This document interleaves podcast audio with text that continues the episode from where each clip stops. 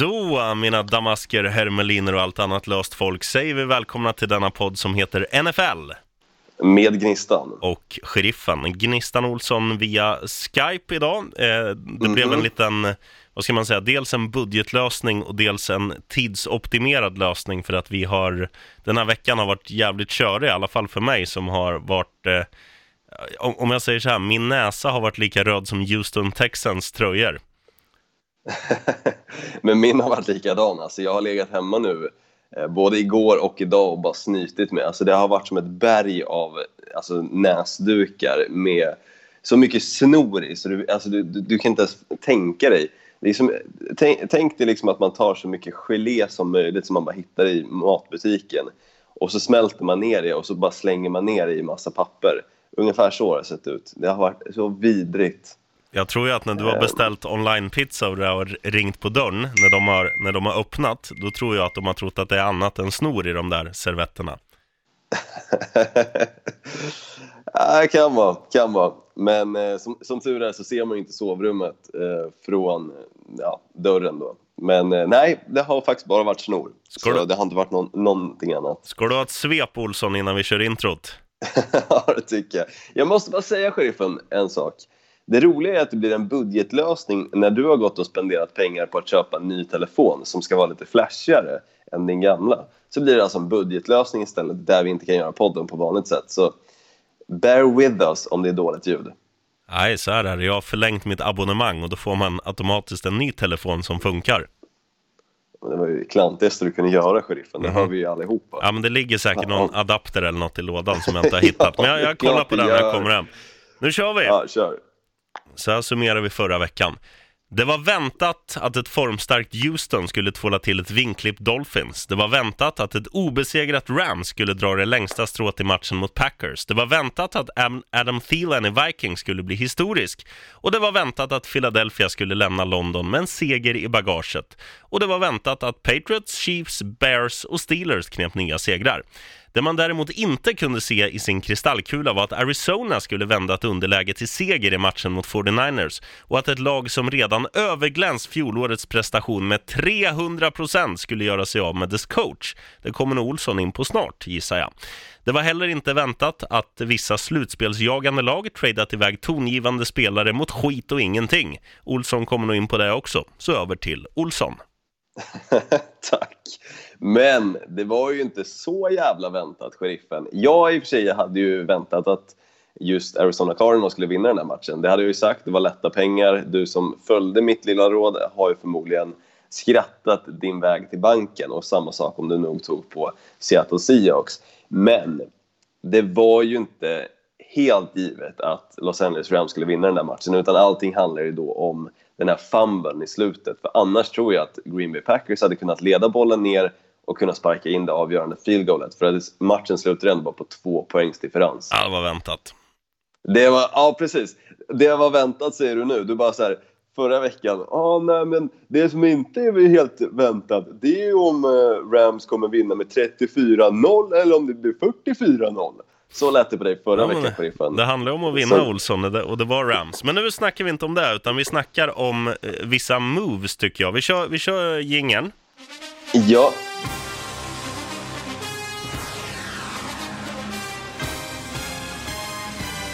They're gonna feel that vibe, I promise y'all. They gonna feel it.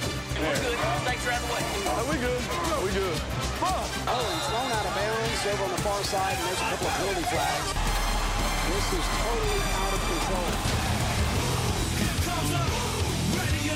Here comes Gnistan Olsson from the south of Sweden, Växjö. boom! Du- Jajamän. Eh, Hugh Jackson, sparken från eh, Cleveland Browns. Vad känner du spontant där?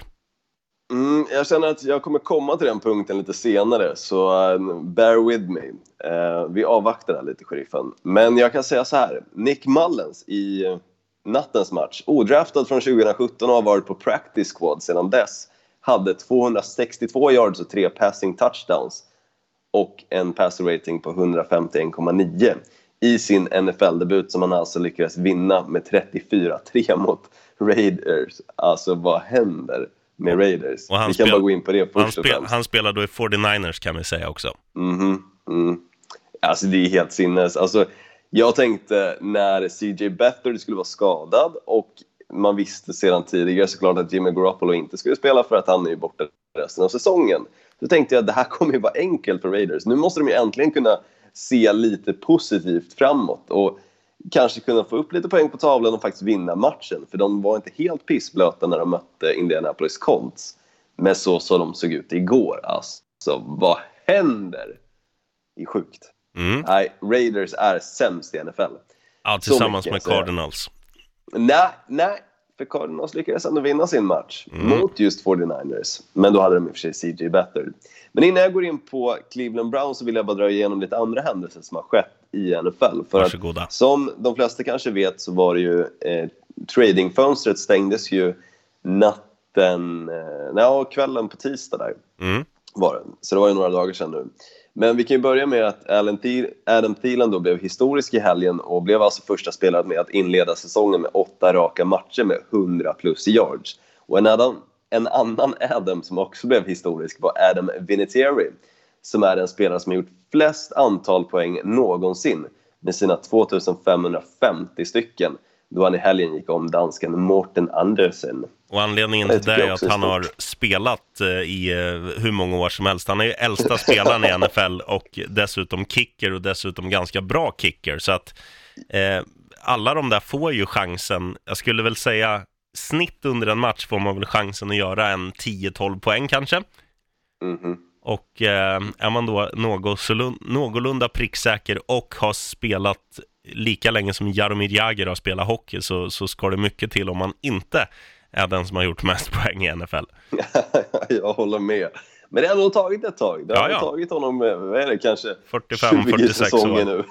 Mm. Så äh, helt sjukt. Men eh, vi kan också gå in på att Will Fuller kommer missa rest, resterande del av säsongen efter att ha slitit sönder korsbandet. Men Houston Texans var snabba med att hitta en ersättare och fann den i Denver Broncos och Demarius Thomas som numera är en Houston Texans wide receiver. Och Dante Fowler Jr fick ingen speltid i Jaguars, eller åtminstone väldigt lite. Men hamnade nu upp hos ett lag som har helt och hållet saknat sina linebackers, nämligen Los Angeles Rams, för ett third round pick och ett fifth round pick i 2020 års draft. Och Ty Montgomery, som kostade Packers segern mot Rams i helgen, skickades snabbt och för nästan ingenting till Ravens. Han kostade Baltimore ett seventh round pick i 2020 års draft. Sämre än så kan man nog faktiskt inte ge för någon spelare. Och Packers skickar inte bara Montgomery utan även min hjälte, haha Clinton Dix, Aha. till Redskins. Och med det skrotade mina planer för att döpa min framtida hund som jag och tjejen ska skaffa, som jag hade tänkt att döpa då till haha. Och Packers fick ett fourth round pick för det. Den enda som är glad över den traden kan jag garantera är tjejen som inte behöver döpa hunden då till haha. Mm. Du, vi, sto- den vi största- stoppar bandet där Olsson. Jag måste bara slänga Ja. Mm. in en liten reflektion. För att jag har varit med om något liknande. Man har haft storslagna planer. Det fanns en NHL-spelare i mitt kära Florida Panthers, wow, som hette Ivan Novoseltsev. Och det här är alltså säsongen 2001 kanske. Jag beställer Ja. då en tröja från USA. Eh, och det tar jätte, jättelång tid. Den är jätte, jättedyr och man får betala 25% extra. Så att, säg att jag hade lagt ner 2600 kronor, väntat i en månad, går och hämtar ut den där, tar på mig den, vaknar upp nästa dag och det står Ivan Novoseltsev has been traded to Phoenix.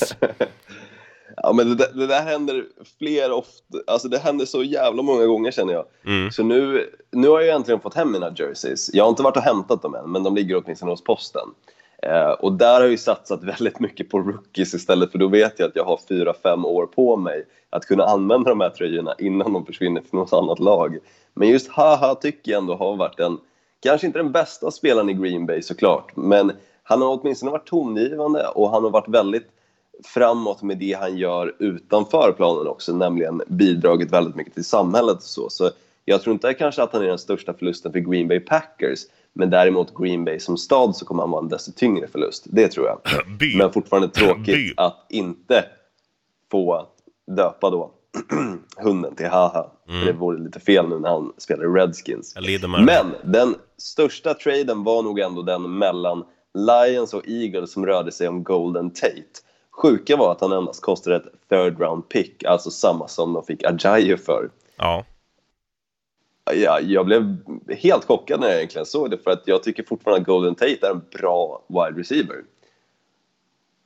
Ja, jag kan, jag kan bara sticka in att han är ju en av få som har varit riktigt bra den här säsongen i ett Detroit Lions Ja. som, som man hade lite förväntningar på men som har underpresterat gravt. Mm.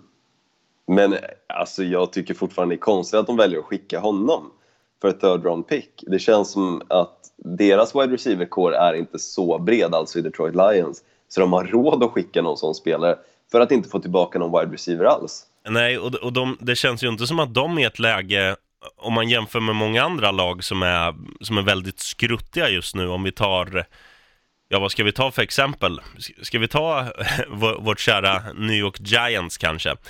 De, Ja. de är ju i den här fasen nu att säsongen, säsongen är ju körd och tittar man på, eh, ja men tittar man på Eli Manning till exempel så, så känner man ju att den positionen be- behöver ju förstärkas. Då skulle inte de må dåligt av att göra en dålig säsong i år så att man får drafta tidigt och ta en QB exempelvis.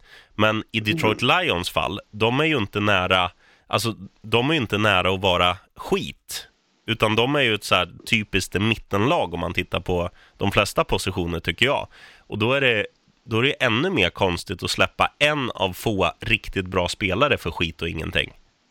Ja, ja. Nej, jag håller med. Och det känns så märkligt för att nu känns det som de har lite satt punkt för den här säsongen. Ja, ja. Jag, jag förstår inte hur de tänker när NFC North är ju typ den divisionen i NFL just nu som är mest öppen. Mm. Det känns som vem som helst kan ta den. Ja, förutom Packers då. Nej! Fan vad bra de spelade, sheriffen. Det kan du fan inte sticka under stolen. Alltså deras försvar var glödheta med JR Alexander i spetsen. Alltså den snubben gjorde de helt rätt att drafta som 18 overall. Alltså, jag är nöjd över honom och jag har ju faktiskt också beställt en tröja med Jair Alexander. Så ännu mer nöjd över det faktumet. Och den här Så veckan att jag ska slipper de, vänta nu en månad på att få den tröjan. och den här veckan ska de möta Patriots borta, så det, det, blir ju, Mm. det blir en förlust till och sen är de i botten. Men eh, fortsätt du. Ja, men, men det största av allt var ju faktiskt just det att Browns valde att sparka sin headcoach Hugh Jackson och detsamma gällde def- offensiva koordinatorn, ska jag säga, Todd Haley. Och in som ny headcoach blev Greg Williams, tidigare defensiva koordinatorn i Browns. Och Hugh Jackson blev alltså den sjätte raka headcoachen att få sparken efter en match mot Steelers. Så frågan nu, och det här går jag direkt över till veckans frågeställningar. Vad händer nu med Cleveland Browns? Jag tror att de kommer, eh, jag tror att de kommer sprattla till. Jag tror inte de kommer vinna nu i helgen för de har en väldigt tuff match. Men jag tror att det kommer ge effekt kortsiktigt att man kanske vinner en Säg att de kanske vinner tre av de nästkommande fem matcherna. Nu har inte jag liksom grottat in mig på deras spelschema, men det är ofta det som händer med ett lag när du får in en ny röst. Det blir liksom en initial effekt. Sen när det, när det blir vardag, när han har varit där och skriker på dem i fem, sex veckor, då kommer spelarna eh, ja, gå tillbaka till det här som de är i, eller har varit de senaste åren. Att Det är, det är lite så här loser-mentalitet. De är fortfarande mycket bättre nu än vad de någonsin har varit. Och tittar man på pappret med Miles Garrett och med eh, Baker Mayfield och med Jarvis Landry och allt de har i, i båda lagdelarna så, så ser det ju bra ut. Det finns ju en, en framtid i Cleveland Browns, men jag tror inte att jag tror inte det är det här som kommer göra att årets säsong blir en framgångssaga, utan jag tror mer att eh, det kommer funka i början, det kommer stagnera och sen kanske man kommer vara helt okej nästa år istället. Alltså jag tycker det här är helt rätt med tanke på att ägaren då för Cleveland Browns har ju gått ut och sagt att vi kommer inte tolerera några interna intriger. Och det har ju varit interna intriger mellan då Hugh Jackson och Todd Haley angående hur offensivet styrs. Mm. Och det har, ju, det har ju varit det som också inte har funkat fastän de har en väldigt bra offensiv, en betydligt mycket bättre offensiv än vad de någonsin har haft så känns det som att, ja, plocka bort de två snubbarna som står och tjafsar om det och plocka in det enda som faktiskt har funkat. Och det är ju defensiva koordinatorn Greg Williams. För att defensiven har varit bra men på grund av hur anfallet har spelat så har ju defensiven varit på planen så otroligt mycket och behövt leverera på en så sjukt större nivå än vad de kanske annars ska kräva. För att anfallet har inte gjort sitt jobb. Defensiven däremot, de första åtminstone säsongerna såg vi att de definitivt gjorde det. Ehm, så jag tycker det här är rätt rätt val. Även fast Hugh Jackson nu har haft sin bästa säsong på tre säsonger så förtjänar han att få kicken och det borde han kanske redan ha fått alltså, efter förra årets säsong. Ja, det hade ju känt mer logiskt, men du säger att, Ja. att de har en väldigt bra offensiv på pappret. Jag, jag tror ju du är lite färgad av, av att du gillar dem och har sett för mycket Hard Knocks, för om man, om man ska vara krass, om man ska vara krass, Baker Mayfield är en duktig QB, men han är, Mm. han är nykomling i ligan, han kommer, han kommer bli bra, men han är ju liksom, det är ju inte att slänga in Tom Brady, Aaron Rodgers eller någon i den stilen redan nu. Han kanske kommer dit om, om 10-15 år, men han är inte där. Tittar man Men på deras inte wide, sen. Tittar man på deras wide receiver core så är det väl bara Jarvis Landry egentligen som, som hade platsat som starting receiver i vilket lag som helst i ligan. Eh, på andra kanten har du Callaway som är, visst han är snabb, men det är lite för det är lite för mycket bollförluster där, alltså att han inte fångar dem. Och detsamma gäller ju han, nummer 85, vad heter han? Njuku. Ja, jag, jag köper det du säger och jag håller med om att jag kanske är lite för färgad och det gäller lite samma sak och där var tvätt, eh, diskmaskinen klar också. Perfekt. Jag får säga till tjejen att hon plockar ut det sen. Säg det live så vi hör. Baby, kan du plocka ut den sen? Hon bäckar fingret till mig. Perfekt. Ja, schysst. Ja, eh, nej, men i alla fall, eh, jag håller med dig och jag är ju lite färgad. Detsamma gäller ju när jag pratar just om kanske Arizona Cardinals och Green Bay Packers. Men den här helgen tycker jag faktiskt att de gjorde ett bra jobb, bägge lagen. Ja, Cleveland Browns, nej. De, de har tappat det sen de här tajta matcherna. Sen de blev överkörda av Los Angeles Chargers så har det bara gått ut för. De har inte haft någonting. Varken anfallet eller försvaret har spelat jättebra. Men försvaret är ju deras starka sida. Det är ju där de kan vinna matcher. ja. De vinner inga matcher med anfallet de har just nu. Och det håller jag med om. Vad stort. Men vi kan gå in på nästa frågeställning då. Ja. Har James Winston kört sina NFL-chanser i botten eller kan han återhämta sig? Jag måste bara slänga in här att jag tycker att Fitzpatrick, eller Fitzmagic, är ju tio gånger bättre än vad James Winston någonsin har varit. Behåll honom tills ni har hittat en ny quarterback. För det finns, inga, det finns ingen vits med att slänga in James Winston. Just nu tycker jag att det sämsta, den sämsta delstaten i NFL när det kommer till quarterbacks är ju givetvis Miami. För de har Ryan Tannehill, Miami James är ingen, Winston Miami är ingen delstat, men du, men, du menar Florida. Florida menar jag. Florida, tack. Florida är den sämsta delstaten när det kommer till QBs. Ja, det kan jag hålla med om. Sen, sen tror ju inte jag att eh, Fitzpatrick som är gammal som gatan kommer att vara någon framtidslösning i Tampa. Eh, sen att han kanske har överglänst James Winston den här säsongen, det köper jag. Men sen tror jag också att James Winston kommer med, alltså han, han har ju, som många andra QBs, alltså ta Teddy Bridgewater som exempel, han har ju heller inte egentligen bevisat någonting, utan när du, när du draftas tämligen högt så kommer du med någon typ av promise att det kommer lossna någon gång. Sen, sen är det vissa det aldrig händer för. Jag tycker inte James Winston är, är dålig, jag tycker däremot att han är väldigt ojämn. Men det kan man ju säga om hela Tampa Bay. Ja, nej men jag tycker att James Winston är dålig för att om det är någonting i NFL du måste vara så här jämn. Och om du inte är jämn, vilket vi ser i Blake Borders också, som jag hela tiden har sagt om Blake Borders, men ändrar mig en vecka och det var en vecka för tidigt. För hade jag varit fast vid min åsikt så hade jag stått fast vid det ända sedan Blake Borders draftades. Men jag tycker att både James Winston och Blake Borders är för ojämna och därav så går inte det att laget de spelar i kan förlita sig på dem. Utan det är liksom... Vissa gånger har de en bra match och vissa gånger så passar de, som James Winston, fyra interceptions i en match. Och då går det åt helvete för laget. Och då är det bara jäkligt tur för Tampa att de faktiskt har någon att stoppa in som kan spela boll. Till skillnad från vad då Jag- Jacksonville Jaguars som inte har någon Fitzmagic att stoppa in. Mm. Eh, får jag fråga så här då, om vi, om vi tar eh, Ben Roethlisberger i, i Steelers, är han en bra eller dålig QB? Han är bra för att han är oftast eh, jämn, men han har sina matcher där han är dålig. Men jag tycker att större delen av matcherna man ser med både Blake Bortles och James Winston om vi säger så här, det är 60% dåliga matcher, 40% bra. Och det är de 40% bra matcherna som folk någonstans sätter i minnet. Det är inte de här dåliga matcherna som jag oftast sitter och tänker på och känner att det här är deras liksom kvalitet när jag kollar på James Winston och Blake Bortles. Däremot med Ben Roethlisberger så är han ju 80% bra och kanske 20% dålig. Den ojämnheten kan man klara av som ett lag. För det betyder då att man ofta slutar säsongen på kanske 10-6, vilket Steelers oftast gör. Ja, jag skulle säga så här, det är en, jag tycker det är en gåta att Jacksonville Jaguars, eh, alltså hur deras försvar nu också har eh, kollapsat, för det har ju varit, alltså de, de fick ju det där namnet Saxonville av en anledning. De inledde den här säsongen strålande bakåt och Blake Bortles var inte kattskit framåt. Eh, jag svänger lite i min åsikt här också och säger att han är inte så bra som jag har målat upp han som. Men eh, Eh, en liten reflektion bara på, om vi tar dem, om vi tar Blake Bortles, vi tar James Winston och vi tar Ben Roethlisberger. Det som är skillnaden där, det är att Ben Roethlisberger har ju fler lekkamrater som, som räddar upp hans, eh, alltså vi, vissa gånger parodiska eh, QB-spel. Nu vet jag inte om det var den här veckan eller förra veckan där han hade kastat, var det fyra interceptions redan i halvtid? Och sen, eh, sen ger han bollen till James Conner och så här och sen, sen löser det sig ändå. Och, och det är det som är skillnaden. Det finns inte de här eh, game changers-spelarna i de andra lagen.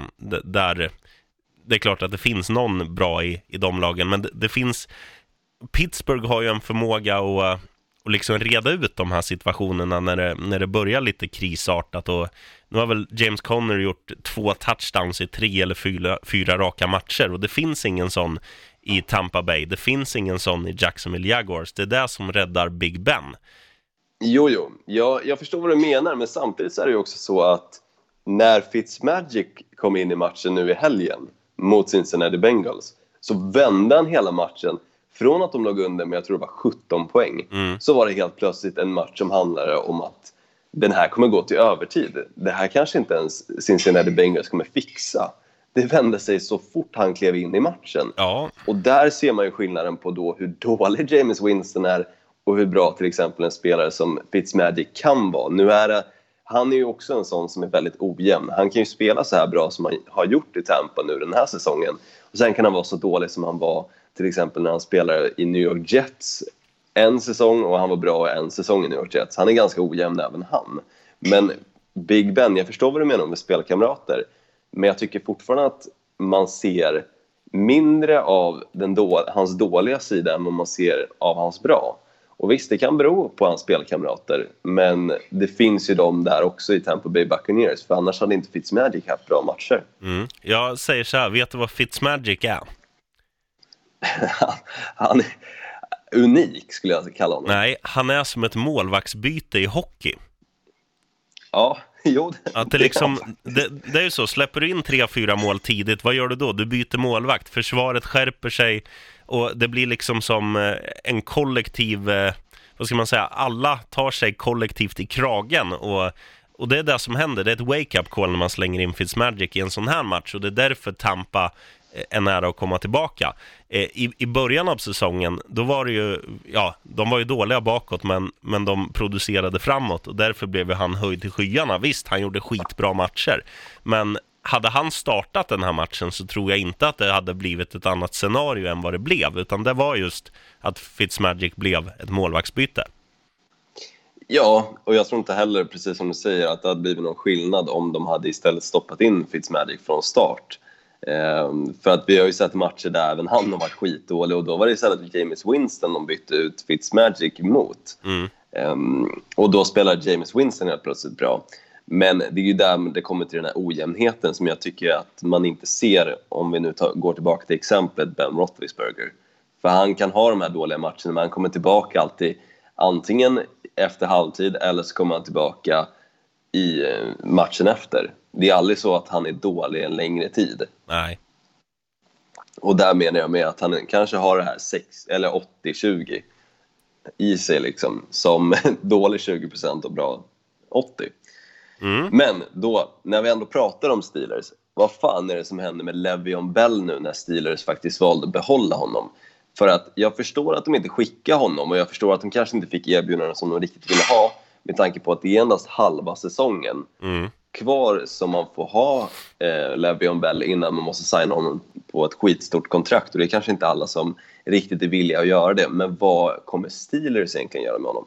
De kommer låta han sitta på bänken för att Connor har ju överglänst honom. Alltså han, han visar ju att, eh, att de har satsat rätt. De vill inte ha en jävla Absolut. gnällspik som vill ha pengar. De vill ha en som är på planen och som presterar vecka efter vecka. Och Connor är ju fan ligans bästa running back i år. Ja, tillsammans med Todd Gurley. Ja, det finns några andra där också. Eh, Kareem Hunt är också jävligt duktig. Ja, men inte, ifrån alltså han producerar ju han producerar ju varenda jävla match. Han gör det på olika sätt. Han gör långa touchdowns, han, han gör såna här från enjardslinjen, han gör från 30-yardslinjen, han gör allting. Han är, han är, jag ska inte säga att han är komplett, men han är fan inte långt ifrån. Nej, men det, ty- det tycker jag man kan slänga in på Kareem Hunt också, alla de där punkterna du tog upp. Men jag förstår vad du menar. Alltså James Conner har levererat på en lysande nivå den här säsongen och det är klart att de inte väljer att slänga in Le'Veon Bell nu bara för att han kanske kommer krälandes tillbaka och vill ha de här pengarna som han ändå då har signat upp sig på att få, eller med den här franchise-taggen. Men jag, jag ser inte hur Pittsburgh Steelers kan liksom tänka en framtid med Le'Veon Bell nu när de har James Conner heller. Så att jag tror att till säsongen som kommer så kommer Le'Veon Bell spela ett annat lag. Jag tror inte han är kvar i Steelers. Och det hade varit så kul.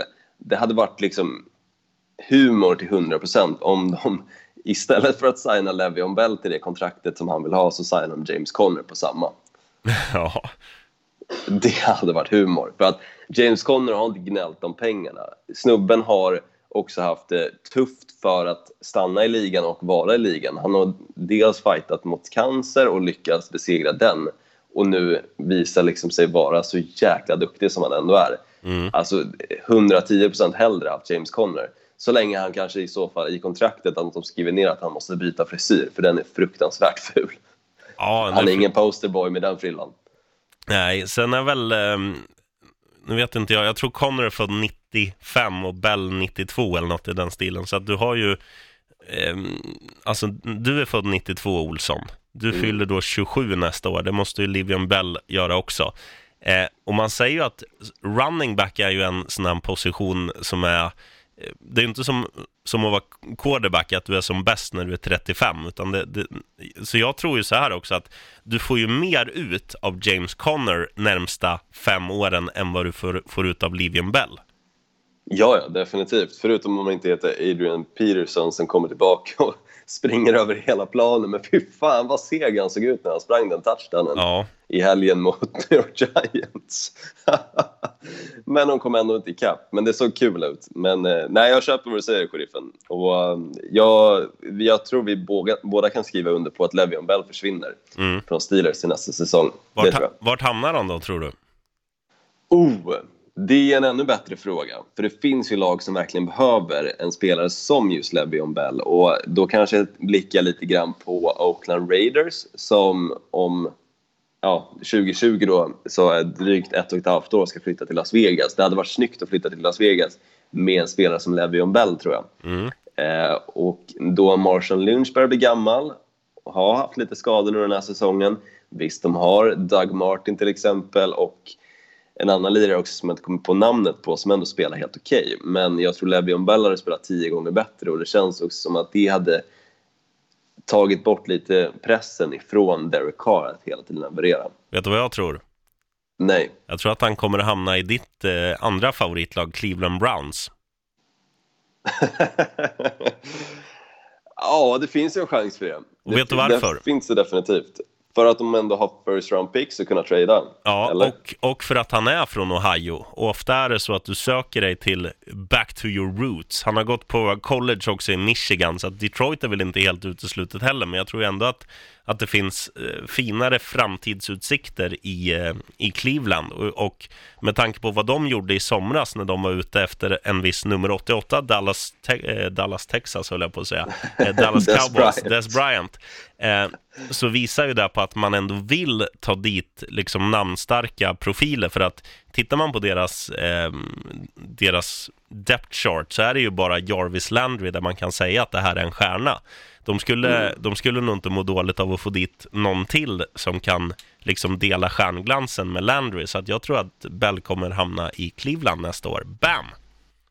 Mm, mycket möjligt, men du nämnde ju en spelare som vi inte har snackat om på flera veckor. Des Bryant, vad fan har hänt med honom? Det Ingen känns som man har glömt bort att han ens spelar fortfarande, alltså är aktiv. Jag nynnar mentalt på den här låten. Vart tog den söta lilla flickan vägen med just det? han är ju bara väck. Det är ingen som pratar om honom. Nej, det är liksom det- så här, Des Bryant who? Men det är fan rätt skönt också. Det är faktiskt skönt. Ja, jag gillar inte honom. Har du någon ro- rookie-koll, Olsson? Nej, jag har faktiskt skitit i den den här veckan för att jag tycker samtliga rookies som jag ändå hade ögonen på sög. Så jag har inte orkat kolla upp några mer. Men om jag bara ska dra lite snabbt vem som hade hamnat på första platsen så hade det varit Jair Alexander. För utan honom i Green Bay så hade inte försvaret sett så bra ut som de gjorde nu i helgen mot Los Angeles Rams. Så han är, han är med på alla punkter på listan säger vi. Så, Ja, då går vi vidare. Ska vi köra ordinarie programpunkter? Det tycker jag. You stupid. They're not. What's 9 plus 10? 21. You stupid. Då får du börja då, Stupid Olsson i Växjö. Yes! Åh, vad skönt att jag fick börja. Och det här är ju en match som jag, jag... Jag ser inte hur det här inte kan vara tjockskallarnas val.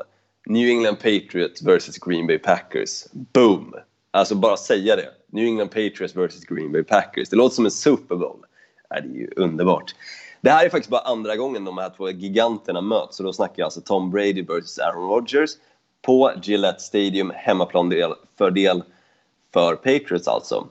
Men det som vi fick se i matchen som Packers hade mot Rams var ett springspel som inte man har skådat sedan Eddie Lacy var markkungen i Green Bay. Och jag tror, och jag tror faktiskt att de kommer fortsätta att försöka bygga på det tillsammans med Jones och Williams och framförallt nu när de har kört iväg Ty Montgomery. Samt så var det första gången på länge som man fick se att Packers försvar spelar på en toppklassig nivå och fastän det finns frågetecken kring hur de ska ersätta här Clinton Dix verkar just nu som att de ska slänga in Tremon Williams som är 34 eller 35 år gammal och spelat den positionen, alltså safety-positionen, när han var junior eller om han spelar i college.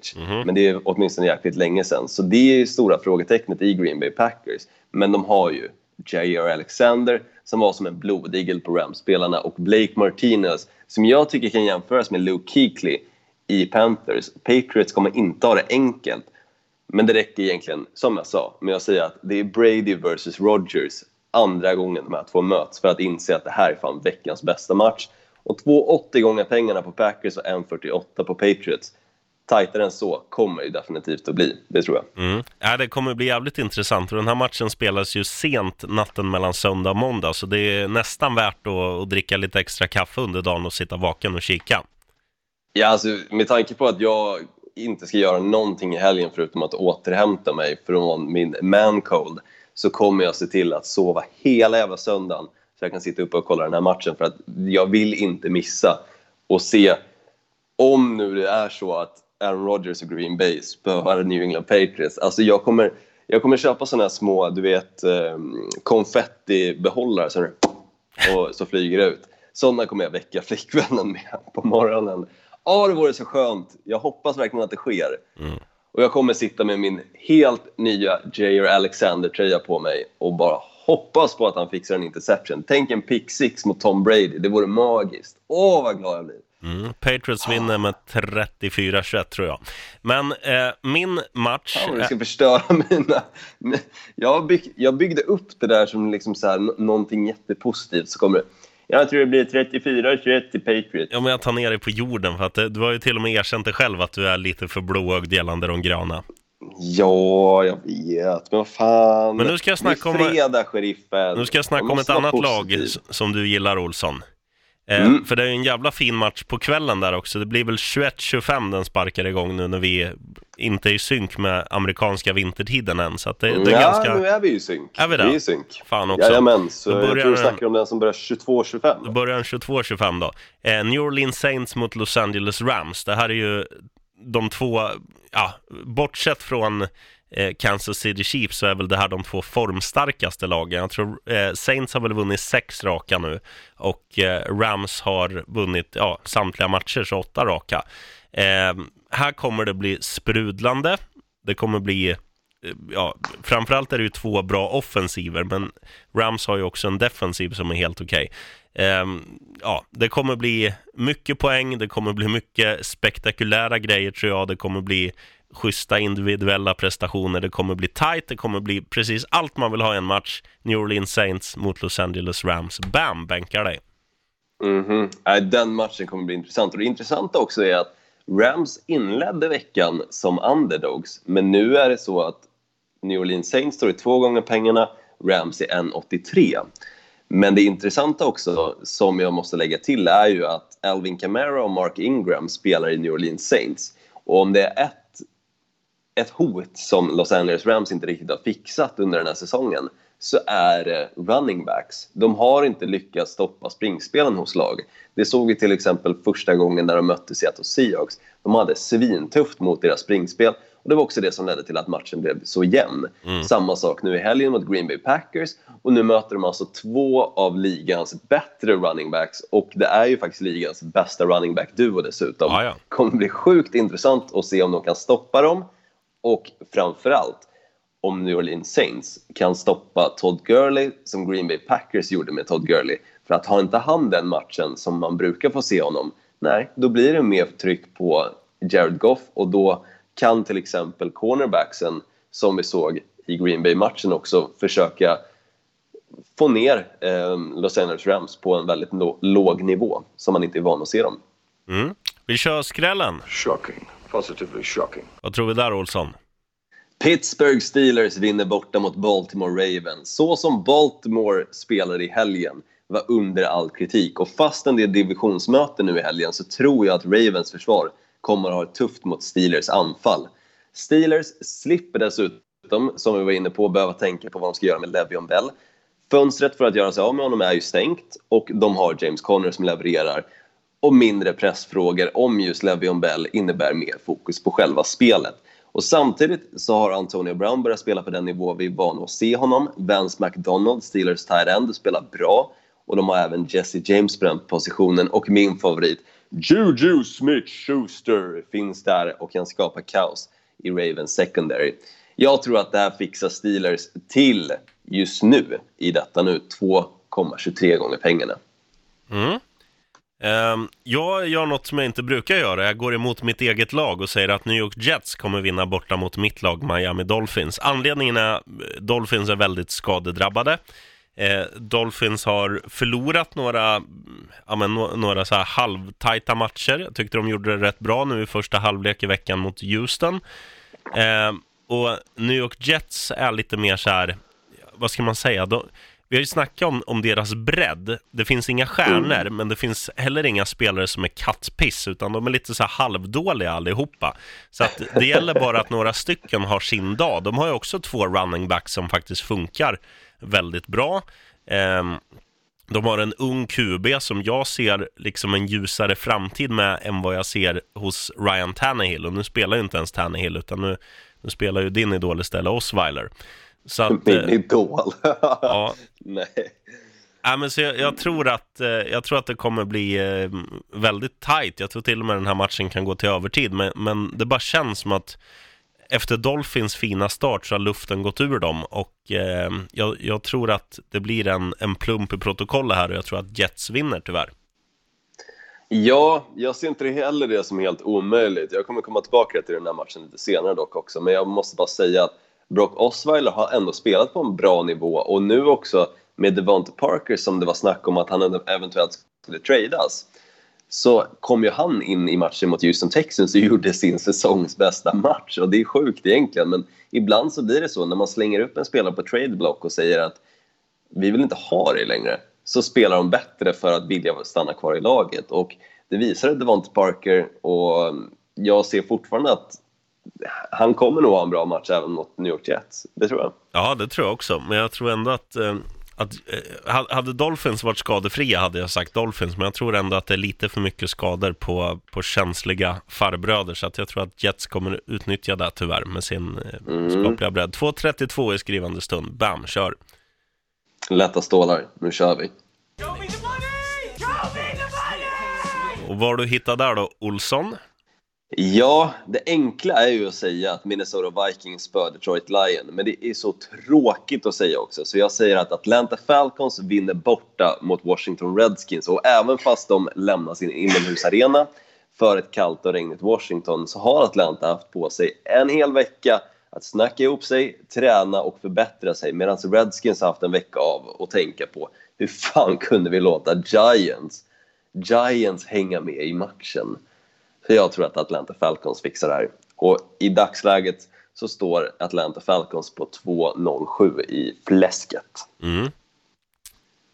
Där har du lätta stålar. Ja, jag är inte med dig där, för att Atlanta har ju typ sämst försvar i hela ligan och Washington har ju faktiskt fått igång offensiven nu med eh, flera spelare som har överpresterat och, Mm, och jo, jag förstår vad du menar, men också samtidigt, titta på Green. Bay. Titta hur Green Bay såg ut innan de hade sin bye week och hur de såg ut när de kom tillbaka mot Los Angeles Rams. Gör man rätt saker under sin bye week, man jobbar på det man verkligen måste jobba på. De jobbade på sitt springspel och de jobbade på sitt försvar. Jag tror att samma sak kommer hända med Atlanta Falcons och framförallt så kommer de ha jobbat på sitt försvar. Jag tror att de fixar det. och händer det samma sak med Atlanta Falcons så kommer de alltså förlora. Det var det du ville ha sagt. Ja, men jag ska snacka om ditt, eh, om, om ditt gröna lag nu, för det finns ju inga lättare stålar än, än New England Patriots. Alltså, hur ofta får man 1,45 på dem på hemmaplan? Ja, det händer ju fan aldrig. Sa du att de är uppe i 1,48 nu till och med? Mm, ja, 1,48 tror jag att de står i. Ja, jag gjorde en, Nej, 1,43. print, jag gjorde en 1,43. print screen tidigare idag. Okej, 1.43. Det får man sällan när de spelar hemma. Och varför kommer de tvåla till Green Bay Packers då? Jo, så här är det. New England Patriots har nu, efter mycket om och men, inte bara ett anfall som är bäst i ligan. Eh, de, de har ju fått tillbaka många pusselbitar där. Julian Edelman, eh, och de har värvat in Flash Gordon, de har Gronkowski som alltid är bra. De har liksom eh, en, eh, en trehövdad spets där, de har Tom Brady och framförallt så har försvaret senaste veckorna visat att försvaret är eh, helt okej. Och det är inte ofta man säger det om, om New England Patriots, utan där är det liksom anfallet vinner matcher, men nu har de också fått igång försvaret. Nu ska de möta ett Green Bay Packers som eh, jag tror, visst, de kommer vara de kommer vara laddade och lite revanschsugna efter debaclet nu mot eh, Los Angeles Rams. Men samtidigt så tror jag att de förstår redan att den här säsongen är körd. Vi skulle ha inlett bättre, så att när de radar upp ännu en förlust här, då är säsongen körd och när den här vågskålen kommer börja tippa lite åt deras håll negativt sett, så kommer det istället för att styrka dem att, att liksom, ja det kommer, vad säger man, skälpa dem. Så att eh, jag tror att det kommer bli eh, en väldigt ensidig historia här som nästan alltid på Gillette Stadium och Packers vinner. Tyvärr, jag tycker inte det är kul att säga att, att Packers eh, sk- ska få stryk vecka efter vecka, men det är sanningen Olsson, det är sanningen. Men du tycker att det är kul, det är det som är grejen. För annars hade du inte sagt det. För att jag tror att den här matchen kommer vara mycket, mycket tajtare än vad du tror. Jag tror inte att det kommer vara så enkelt för New England Patriots. Och jag tror att Green Bay Packers har en stor chans att vinna den här matchen också. Visst, nu går det tillbaka till det här att jag ser saker och ting med, ett, med glasögon som har liksom hjärtformade eh, symboler på sig när jag väl pratar om Green Bay Packers. Absolut. Men, men det är ju fortfarande så att Green Bay hade en svinbra match nu senast mot Los Angeles Rams. Det De hade de och de borde ha vunnit den. De borde ha vunnit den om de inte hade haft en jävla puckad spelare som heter Ty Montgomery som hade istället för att lyssna på coacherna som sa nu fan tar du ett knä ditt jävla nöthuvud så bara säga nej jag ska springa ut med bollen. Ja men det är sånt, det är det som är, det är, det som är grejen. Det, det sätter Åh, sig, det det sätter sig. Förl- förlusterna sätter sig i eh, kropp och själ och det är svårt att jobba bort. Kommer man in i en Nej, dålig, dålig för- spiral är det svårt att ta sig ur och det, där är de. Nej, här ska jag komma till det, sheriffen. Så här är det. Green Bay sa för tre säsonger sedan “We're gonna run the table”. Det kommer de säga nu också. Aaron Rodgers kommer komma där. Om de nu förlorar mot New England Patriots kommer han säga “It's cool guys, we're gonna run the table”. Och så kör de, så vinner de. Det är, lätt, Så. det är lätt att säga men svårt att utföra mer än en gång. Nu kör vi trippeln! Ready? One, two, three. You're a lad now, baby. You better shut it up. One, two, three. Okay. Tre matcher snabbt Olsson. Mm, jag vill först och främst bara börja med att jag hade rätt på hela min trippel förra veckan. Cardinals vann, Adam Thielen hade över 100 yards och plus 9 på Packers. Boom! Så jag säger så här den här veckan. Saints vinner, Packers vinner, Steelers vinner. Sen kan du slänga in Falcons också. Där har du en fyrling. Mm, ja, den kommer gå åt helvete. Eh, då säger jag så här, New- England vinner stort. Eh, det blir mycket poäng i Seattle Seahawks mot eh, Los Angeles Chargers. Eh, spela eh, ja, någon lina som ger två gånger pengarna, bara överspel där, så har du, så har du den klar. Och så vinner Minnesota Vikings mot eh, Detroit Lions. Bam! Mm. Och då går vi in på vem där då. Kan jag få en liten ljudeffekt på det här bara? Eh, vi löser det.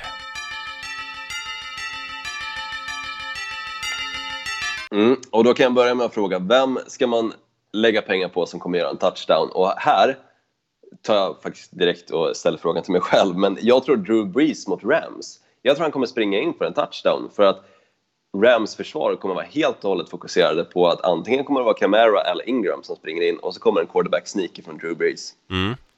Ja, jag går på Den en, jag jag, brukar gå, eller går på en som jag brukar gå på. Christian McCaffrey, Carolina Panthers, möter ligans sämsta försvar, Tampa Bay Buccaneers, hemmaplan och används väldigt mycket i, alla typer av spel. Inte bara är han running back, utan han går också upp som receiver många gånger. Så att eh, Cam Newton gillar att passa McCaffrey, McCaffrey gillar att springa in med bollen och Tampa har dåligt försvar, så att den är dyngklar.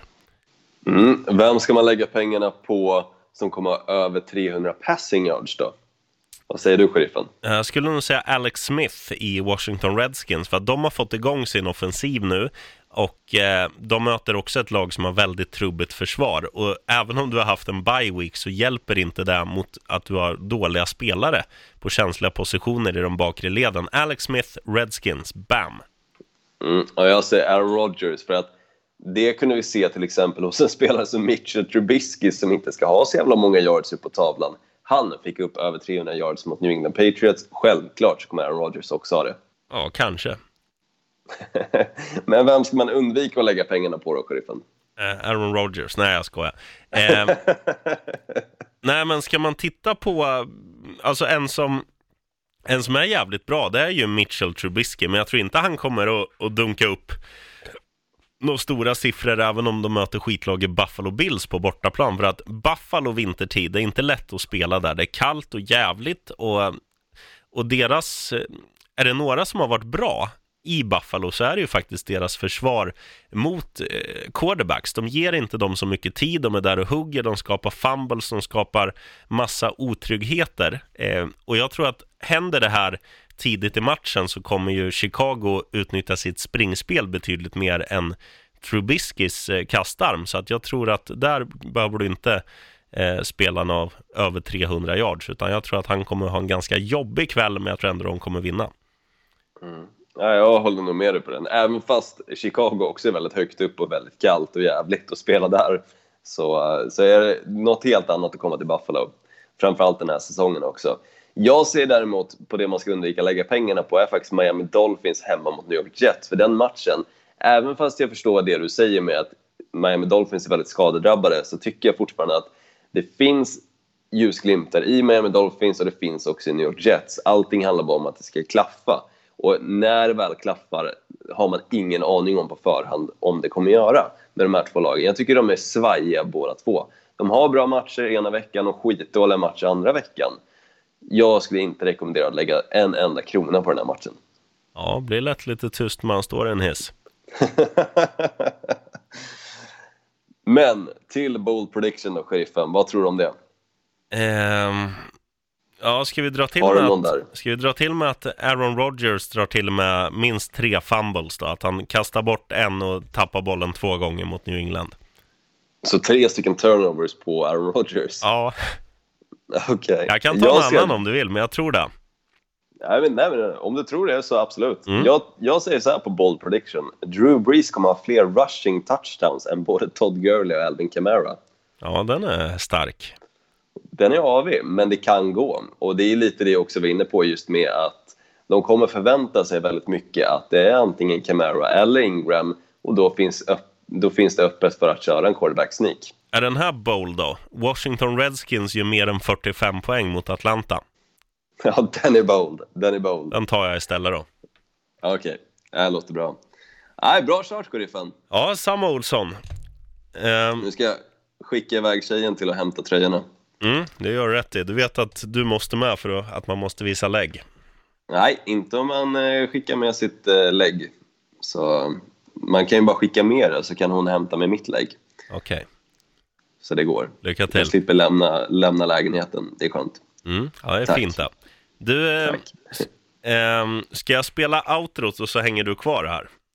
Ja, absolut, det tycker jag. Du, bra jobbat Olsson. Detsamma. Heja. Dolphins. Pass out of the backfield, right? Bozzy Whitaker back toward the middle of the field to the 40, the 35,